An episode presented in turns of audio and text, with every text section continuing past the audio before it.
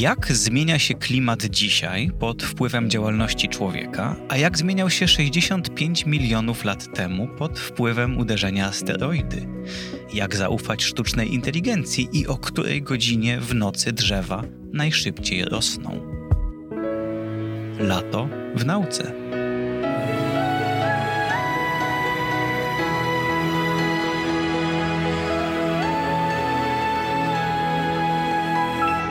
Podcast powszechny.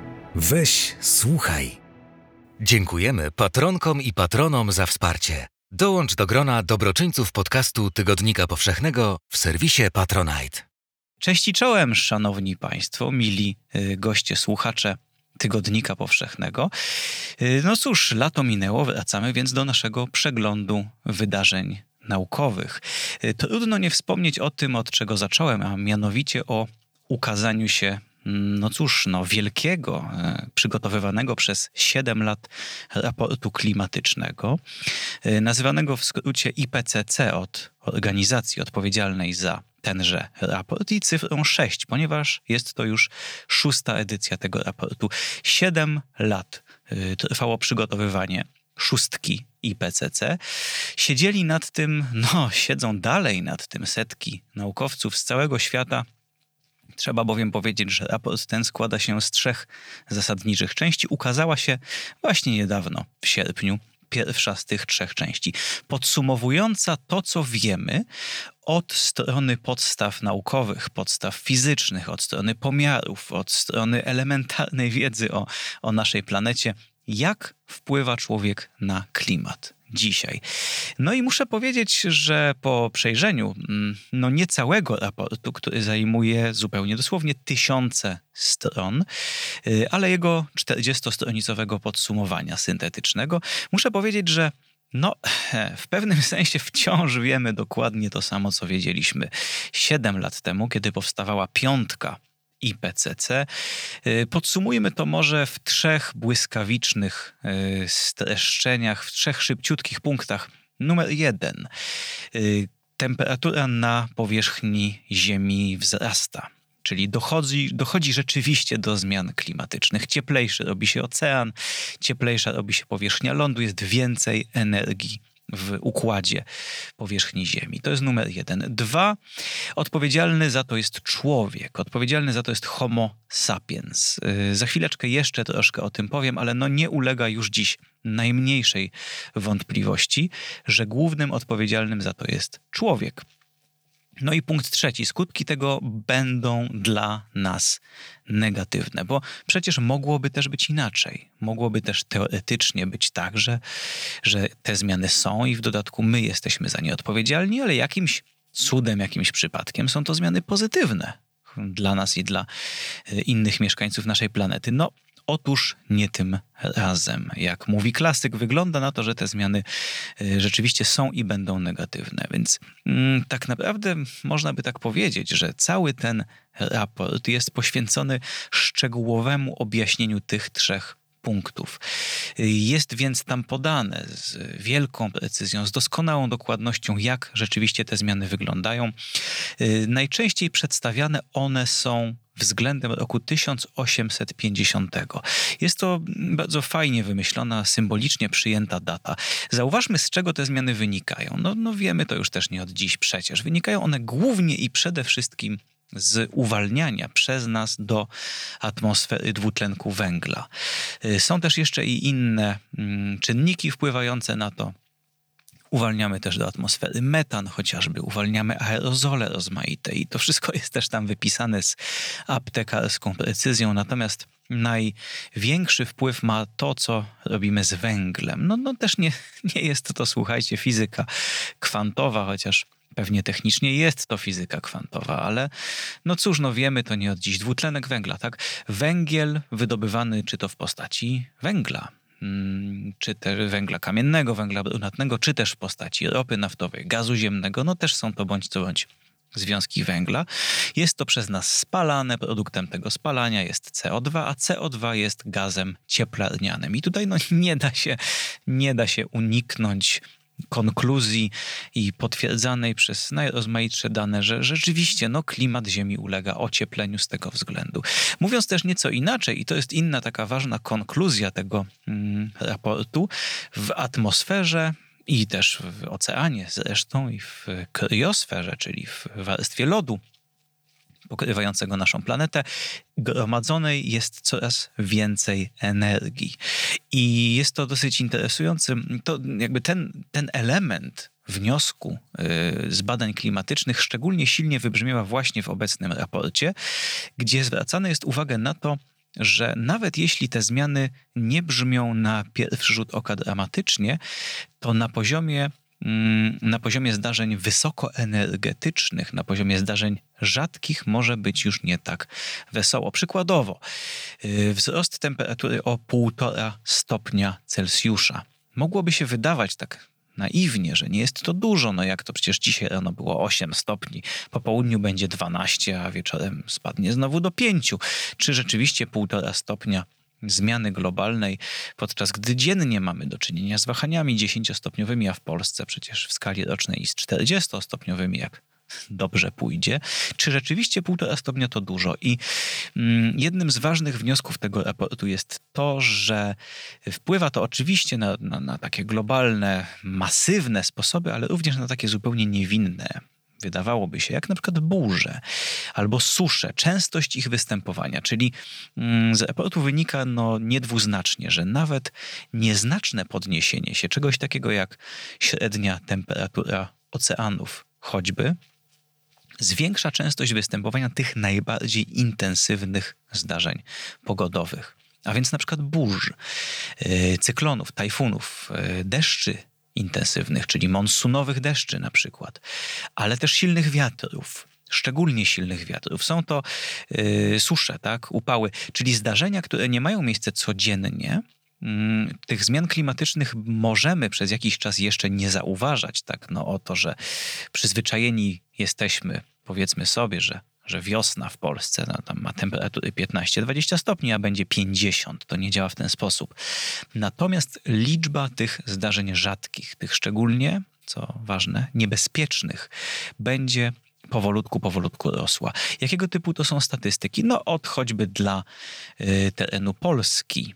Można przewidywać, y, zależnie od tego oczywiście z jakim scenariuszem się zmierzymy, ale w takich realistycznych scenariuszach, że choćby upały, takie upały, jakie miały miejsce powiedzmy sobie w latach 50., bo to też inny taki punkt wyjścia, tak wysokie upały, tak intensywne upały, jakie miały miejsce w latach 50., jeden, może dwa razy w roku, będą miały miejsce za, za 20-30 lat, na przykład pięciokrotnie, czyli dni o tak wysokiej temperaturze będą nie, nie jeden, dwa razy do roku, ale na przykład cztery, pięć razy do roku. I znów można by się zastanawiać, czy to, czy to aż tak gigantyczna różnica, ale pomyślmy w tym momencie choćby o tym, jaki wpływ ma to na, na rolnictwo. Przecież jedno, dwudniowy, bardzo intensywny upał połączony z suszą, czyli brakiem opadów, no potrafi naprawdę mocno sparaliżować nasze działania. Nie mówimy już choćby o czymś takim jak komfort w mieście, ale wręcz może to stanowić zagrożenie dla życia i zdrowia. Y, krótko mówiąc, z wielu, wielu wniosków, które wynikają z tego raportu, ten myślę warto zapamiętać. Te zmiany mogą nie mieć charakteru codziennego, ale, ale będą o sobie przypominały i to na całym świecie. W jednych miejscach są to bardziej susze, w innych bardziej ulewy. E, jedyne, czego będzie na świecie mniej, to przymrozków. E, jeżeli szukamy tutaj jakiejś, mm, jakiejś pozytywnej wiadomości, to chyba tylko dla osób, które się szczególnie boją przymrozków. Tych będzie rzeczywiście o dziwo mniej. E, I w ten sposób przechodzimy swoją drogą płynnie do następnego tematu. Wspomniałem o mm, badaniu klimatu sprzed 65 milionów lat. Jakiż to ma związek? No takie dosyć ciekawe. No przechodzimy do tej, powiedzmy, może lżejszej nieco strony nauki, a mianowicie do badania tegoż to e, nieszczęsnego zdarzenia, które mm, odpowiada za wyginięcie między innymi dinozaurów, czy też niemal całkowite wyginięcie dinozaurów, no bo to, co dzisiaj nazywamy ptakami, to są niedobitki po, tym, po tej tragedii. Nie ulega w zasadzie już dzisiaj wątpliwości, że głównym odpowiedzialnym za tamto mm, zdarzenie był upadek asteroidy.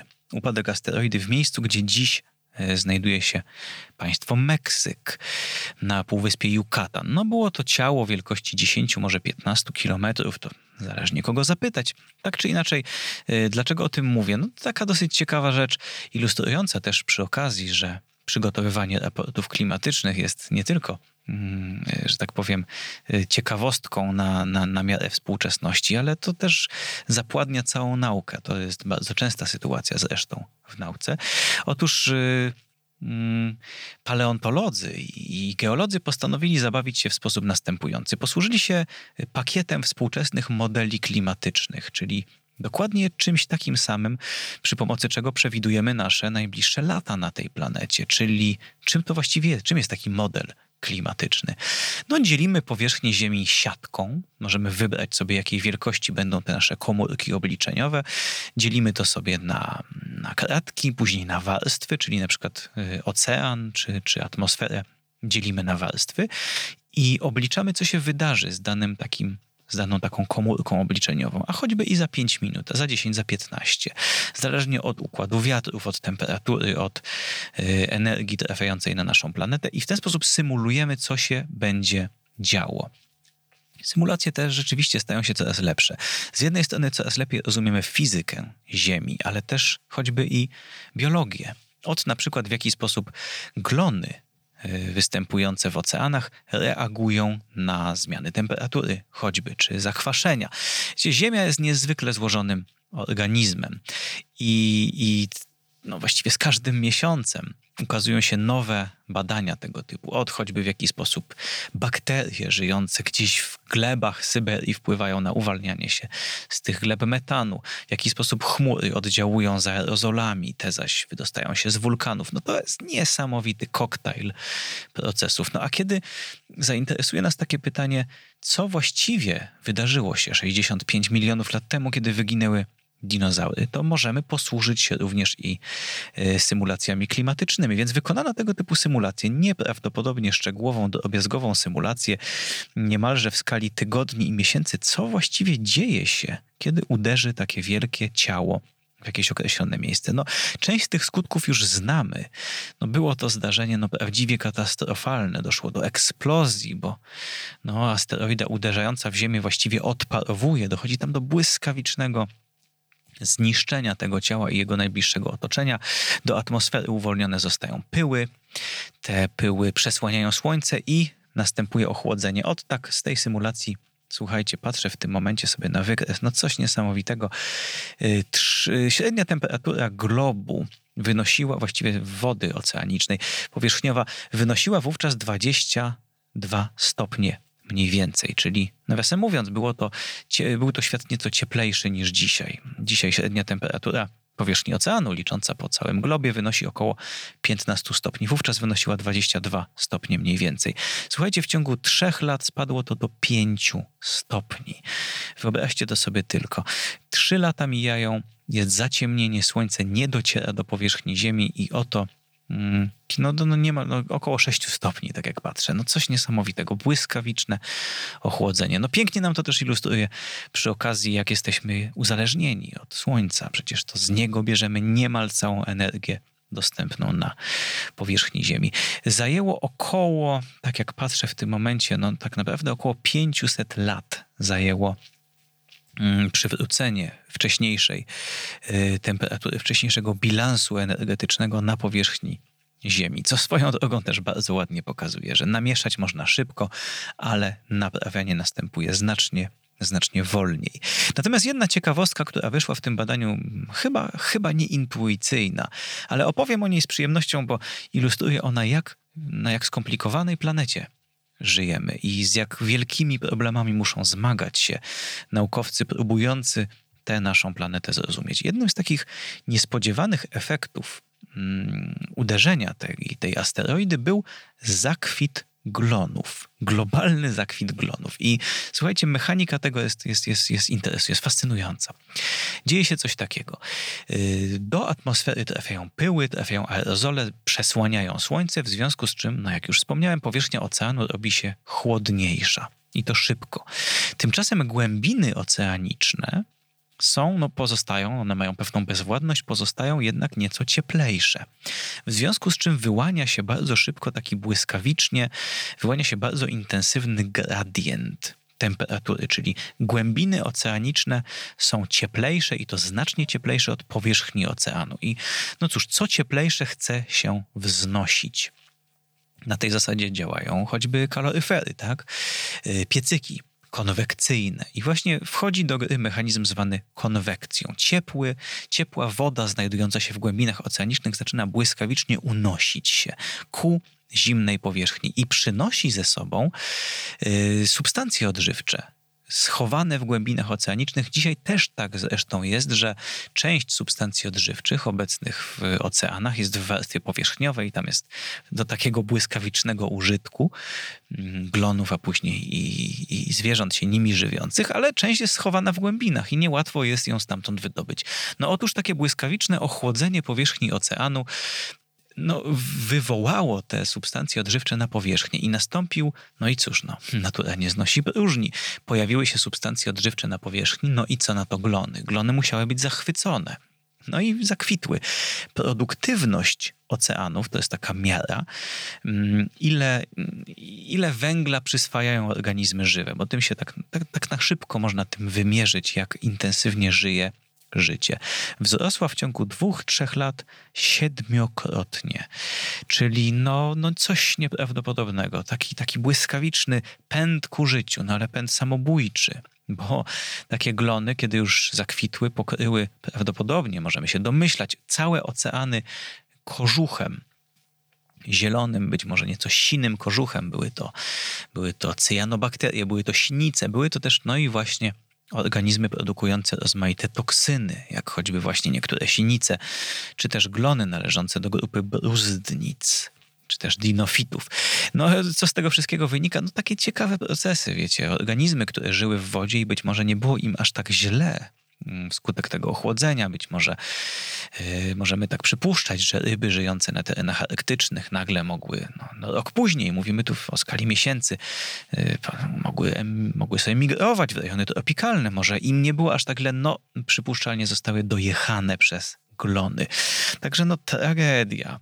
Słuchajcie, rzeczy nieprawdopodobne się działy.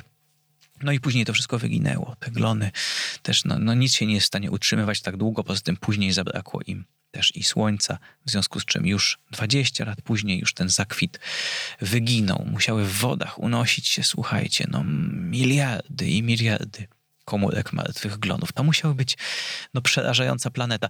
Dla pełni obrazu powiem wam jeszcze, że na lądach najprawdopodobniej szalały gigantyczne pożary wywołane przez okruchy zniszczonej asteroidy i fragmenty Ziemi, kawały Ziemi wybite z powierzchni kontynentu amerykańskiego wędrowano, wyleciały w przestrzeń, mm, opadały w różnych miejscach ziemi, wywołując tam pożary, bo to upadały takie gorące odłamy skały.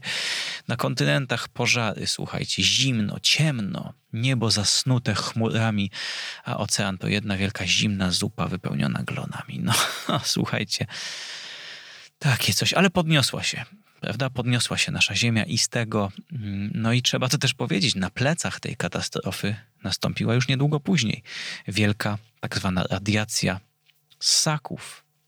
My, ssaki, jesteśmy beneficjentami tej katastrofy. No tak to właśnie, tak to też bywa. Mm, może w nieco pozytywniejszej, y, w pozytywniejszym duchu mm, kolejność zmienię względem tego, co mówiłem w zajawce, bo na końcu miałem mówić o drzewach, ale tak, żeby było może nieco radośniej. Malutkie badanie, ale ja uwielbiam tego typu badania. Prościutkie zdawałoby się, bierzemy drzewa, słuchajcie, drzewa rosnące na terenie Szwajcarii i mocujemy do nich tak zwane dendrometry. To jest niezwykle precyzyjne urządzenie o bardzo prostej budowie, a mianowicie wkręcamy się aż do samego y, jądra drzewa, wkręcamy się aż w sam środek drzewa i taką śrubę mocujemy, tak żeby była umocowana y, po środku pnia, a na powierzchni do tej śruby przymocowujemy bardzo precyzyjne urządzenie mierzące odległość. Y, zbliżamy ją czubeczkiem, on jest przyciśnięty, ten czubeczek z prężyną do powierzchni kory te kory też się nieco oczyszcza, żeby, żeby to była ta żywa część kory. I w ten sposób można mierzyć tempo wzrostu drzewa. I wykonano tego typu badanie dla, cóż tu patrzę, siedmiu głównych gatunków drzew. Co my tu mamy? Bóg, jesion, dwa gatunki dębu, yy, sosna, yy, świerk i yy, jodła żeby sprawdzić, o której godzinie drzewa najszybciej rosną. Ciekawe, czy byście zgadli, kiedy drzewa rosną. No więc okazuje się, że wszystkie, jak jeden mąż, uwielbiają wczesne godziny poranne. Wtedy rosną drzewa. Między północą a godziną szóstą rano każdy z tych gatunków odnotował yy, najwyższy moment wzrostu. Natomiast co ciekawe, taka można za ciekawostkę uznać, pewnie dendrolodzy mają swoje zastosowania tej wiedzy, ale dla nas to może tylko chyba zwiększyć nasze umiłowanie świata przyrody, jeśli go jeszcze komuś brakowało. Y, każdy gatunek ma swoją ukochaną porę dnia, żeby wzrastać. No więc odczytajmy. Może pierwsza w nocy. Słuchajcie, o pierwszej w nocy najintensywniej rosną buki. Y, przychodzi druga w nocy świerki i jesiony. Biorą się do rośnięcia. O czwartej nad ranem maksimum swoje mają jodły i y, świerki, a sosny o szóstej. Szósta nad ranem y, najszybciej rosną sosny. Ciekawe, prawda? Zaraz mi się przypomniał kalendarz. Ciekawe, czy też kojarzycie takie, y, nie wiem, czy to się kalendarz nazywało, ale y, taki zegar ptasiego śpiewu. To się chyba ptasi zegar nazywało. Pamiętam, że kiedyś od trzeciej już nad ranem siedziałem i nie znam się niestety na ptakach wystarczająco dobrze, żeby rozpoznawać te gatunki, ale pamiętam, że rzeczywiście włączały się w pewnym ściśle określonym porządku. No więc natura budzi się y, w pewnym określonym porządku. Jak widać, drzewa mają też te pory aktywności swoje. Ciekawe, czy to ptaki wyczuwają, że to właśnie pod ich pazurkami rośnie jodła. Wygląda, no musiałyby być niezłe, bo tak patrzę sobie w tym momencie do tabelek.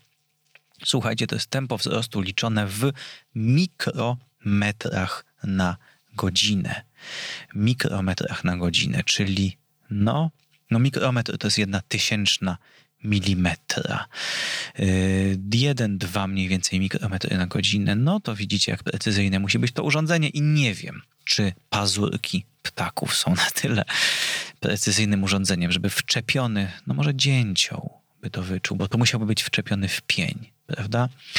Może dzięcioły czują, że im jesion pod pazurkami puchnie. A na koniec temat może taki bardziej technologiczny jednak. Jak zaufać sztucznej inteligencji?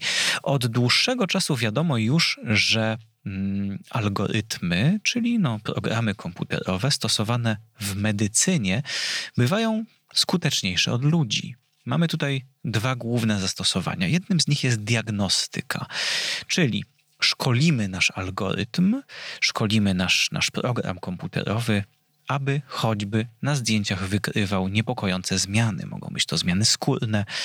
Y, całkiem nie tak dawno opisano algorytm, który, y, który jest w stanie wykrywać niepokojące zmiany na mammogramach, czyli na y, zdjęciach piersi na prześwietlaniach piersi, w poszukiwaniu zmian nowotworowych. No więc y, od jakiegoś czasu coraz częściej, coraz odważniej mówi się już o tym, że niektóre z tych algorytmów są lepszymi diagnostami od ludzi, y, mają większą skuteczność. Mm, innym takim zastosowaniem jest już y, terapeutyka, czyli proponowana forma leczenia, też w przypadku chorób nowotworowych pojawia się ten temat. Choćby trzeba jakiś guz naświetlić, mówimy więc o radioterapii. No i trzeba wybrać intensywność tego promieniowania, trzeba, trzeba wybrać obszar ciała, który ulegnie naświetleniu, oddzielić, no, żeby przypadkiem nie niepotrzebnie nie napromieniować e, zdrowych tkanek. Mm, teraz będę Wam mówił o badaniu, w którym właśnie to było przedmiotem e, badania, mianowicie proponowany przez algorytm sposób naświetlania nowotworów prostaty. No w związku z czym, jak łatwo się domyślić, trzeba bardzo precyzyjnie określić, co ulegnie naświetleniu, a co nie, żebyśmy przez przypadek nie wywoływali bezpłodności u, naświetlanych tym promieniowaniem mężczyzn. Nie chcemy też naświetlać kości, bo, bo, bo po co? No więc krótko mówiąc, na podstawie mm, badań obrazowych należy opracować tak zwany protokół naświetlania. No i od jakiegoś czasu wiadomo, że istnieją już algorytmy wykonujące to zadanie całkiem nieźle. I co teraz? No, a jak to stosować? I to mówię w tym momencie nie o kwestiach medycznych, tylko bardziej o kwestiach organizacyjnych, nawet może prawnych. Jak to, kto by brał za to odpowiedzialność? Jak, jak to jest? Czy pod protokołem może podpisać się pan komputer, doktor, doktor, doktor algorytm, doktor maszyna i co wtedy? Kto ponosi odpowiedzialność za jego ewentualną pomyłkę? I to, co opisano mm, nie tak dawno, bo teraz no, zobaczmy sobie na datę opublikowania tego artykułu, no to jest, słuchajcie, to jest sam koniec, y, sam koniec sierpnia, to jest nowiutkie, słuchajcie, nowiutkie badanie. Y, badano w, na, w szpitalu w Toronto w Kanadzie skłonność lekarzy do przyjmowania y, diagnozy, znaczy protokołu terapii z komputera, że tak powiem. I wykonano to w dwóch fazach. Na początku miało to charakter symulacji, czyli przed lekarzem decydującym, to, to, to jest jego normalna praca. Yy, mamy lekarza decydującego na podstawie przedstawionego mu protokołu, czy rzeczywiście go mm, wykonać, czyli lekarz, lekarz prowadzący decyduje się, czy dany protokół naświetlania nadaje się dla danego pacjenta i, i go zatwierdza. Natomiast no, zwykle ten protokół przygotowywany jest przez innego lekarza, specjalistę w dziedzinie radiologii. Tym razem posłużono się taką no, sztuczką, można by powiedzieć, czy no właściwie metodą, że przed tym lekarzem postawiono dwa protokoły. Jeden stworzony przez lekarza, drugi przez algorytm. I zadaniem lekarza było najpierw orzec, czy ten protokół w ogóle się nadaje, a następnie który z tych dwóch jest dla danego pacjenta, bo to zawsze jest przygotowane dla danego pacjenta, który z nich jest lepszy. No i cóż się okazało? W warunkach no, takich symulacyjnych, powiedzmy sobie na sucho, mm, żebym teraz tutaj nie, nie podał niewłaściwej liczby, zajrzyjmy sobie do wykresów.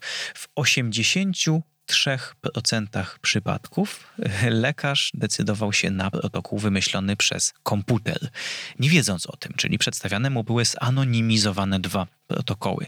I w takich warunkach za lepszy został uznany ten komputerowy w 83% przypadków, czyli no słuchajcie, 83 do 17 dla świata maszyn.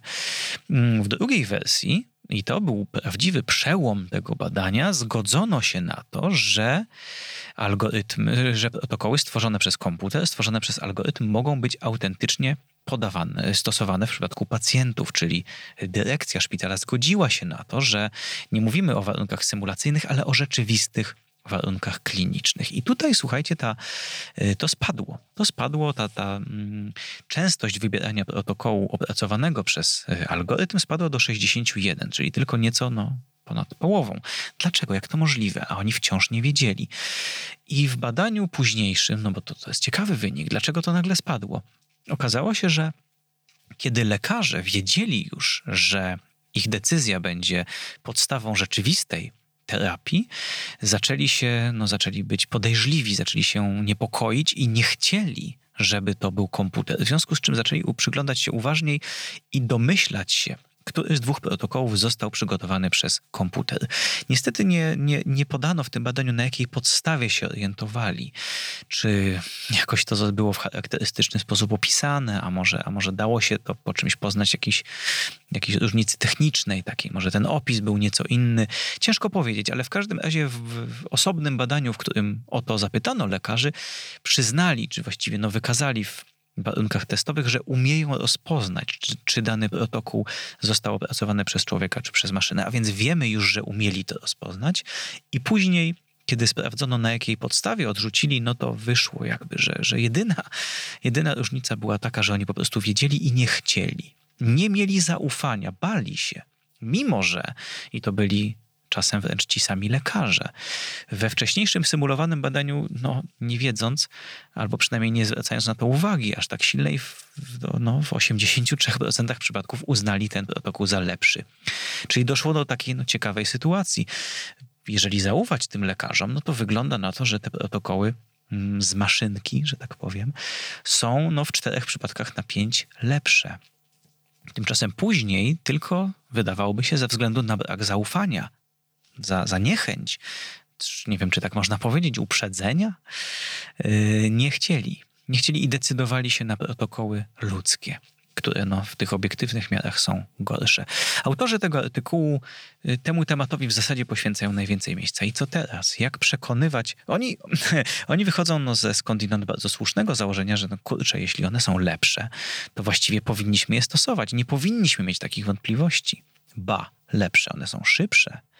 Przygotowanie takiej, y, takiego protokołu y, radioterapeutycznego zajmuje komputerowi około zależnie od przypadku, 15 do 30 minut. Człowiekowi teoretycznie zajmuje to około godziny, może półtorej, ale przecież też nie zawsze. Więc yy, średni czas przygotowania całej procedury terapeutycznej w przypadku yy, współpracy z człowiekiem wynosił około, około, cóż, my tu mamy 140-150 godzin. To jest tu w godzinach podane na ładnych kilka dni, prawda? 24, 48, 96, no, no około 5-6 dni. Dlaczego? Dlatego, że ludzie muszą się zgrać. Czyli mamy lekarza prowadzącego, on musi poprosić lekarza, specjalistę od radioterapii o przygotowanie tego protokołu. On musi znaleźć na to czas i później to jest gotowe. Może to będzie następnego dnia, a jeżeli to jest niedziela, jeżeli go nie ma w pracy, to może dopiero w poniedziałek. I potem dopiero musi lekarz prowadzący znowu znaleźć czas, żeby ten protokół ocenić. Tymczasem, jeżeli to jest, mm, że tak powiem, terapia z komputera, to lekarz może jej sobie zażyczyć w dowolnym momencie. Czyli wie, że kiedykolwiek jej sobie tylko zażyczy, dostanie ją za pół godziny. Może więc zupełnie dosłownie tak sobie to zaplanować, że no w tym momencie wychodzi z jakiegoś spotkania, jest gotów na to, wpisuje parametry, podaje yy, obrazy, które ma i wszystkie inne niezbędne dane, klika OK, czeka 30 minut, może sobie iść na kawę albo się czymś innym zająć i wie, że natychmiast będzie ten protokół miał i to przyspiesza pracę. Średnio 70 godzin. 71 dokładnie godzin średni czas versus 140, czyli dwukrotnie szybciej. No trzy dni zamiast sześciu. A w medycynie, a tym bardziej w onkologii, słuchajcie, czas jest na wagę złota. A więc powodów, aby wpuścić te algorytmy, aby wpuścić sztuczną inteligencję do szpitali jest aż nadto. Natomiast jak widać, słuchajcie, problemy są natury, no nie wiem, psychologicznej by chyba trzeba powiedzieć. Są też oczywiście niezliczone problemy prawne, bioetyczne, ale też po prostu, no cóż, no boimy się nowego. Nie chcemy. Nie chcemy brać tego ciężaru na siebie, nawet gdyby się okazało, że jest to, jest to po prostu lepszy pomysł. No i takim, e, takim akcentem zakończymy ten nasz wrześniowy przegląd niedawnej prasy naukowej.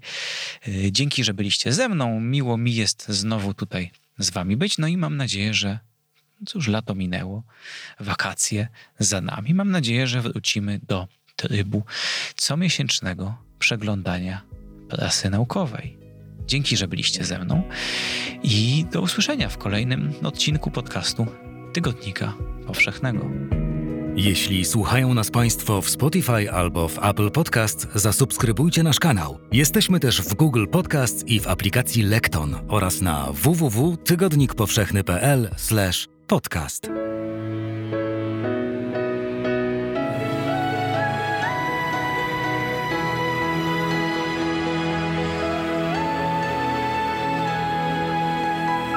Podcast powszechny. Weź, słuchaj. Współwydawcą podcastu powszechnego jest Fundacja Tygodnika Powszechnego.